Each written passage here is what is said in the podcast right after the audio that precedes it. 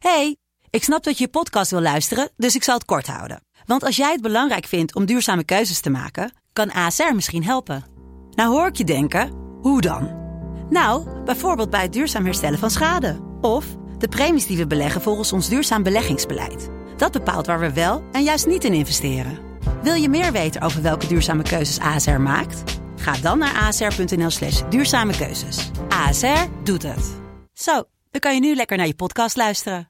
Hey, ik snap dat je je podcast wil luisteren, dus ik zal het kort houden. Want als jij het belangrijk vindt om duurzame keuzes te maken, kan ASR misschien helpen. Nou hoor ik je denken, hoe dan? Nou, bijvoorbeeld bij het duurzaam herstellen van schade. Of de premies die we beleggen volgens ons duurzaam beleggingsbeleid. Dat bepaalt waar we wel en juist niet in investeren.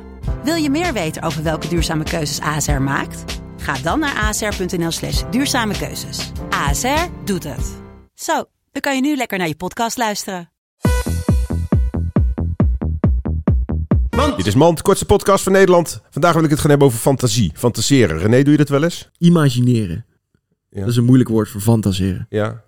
Maar dat betekent gewoon, het, het maakt niet uit of je in een concentratiekamp zit. Dan je- nog steeds kan je lol hebben. Absoluut. En hier ook in deze samenleving. Heb je ook colaseren?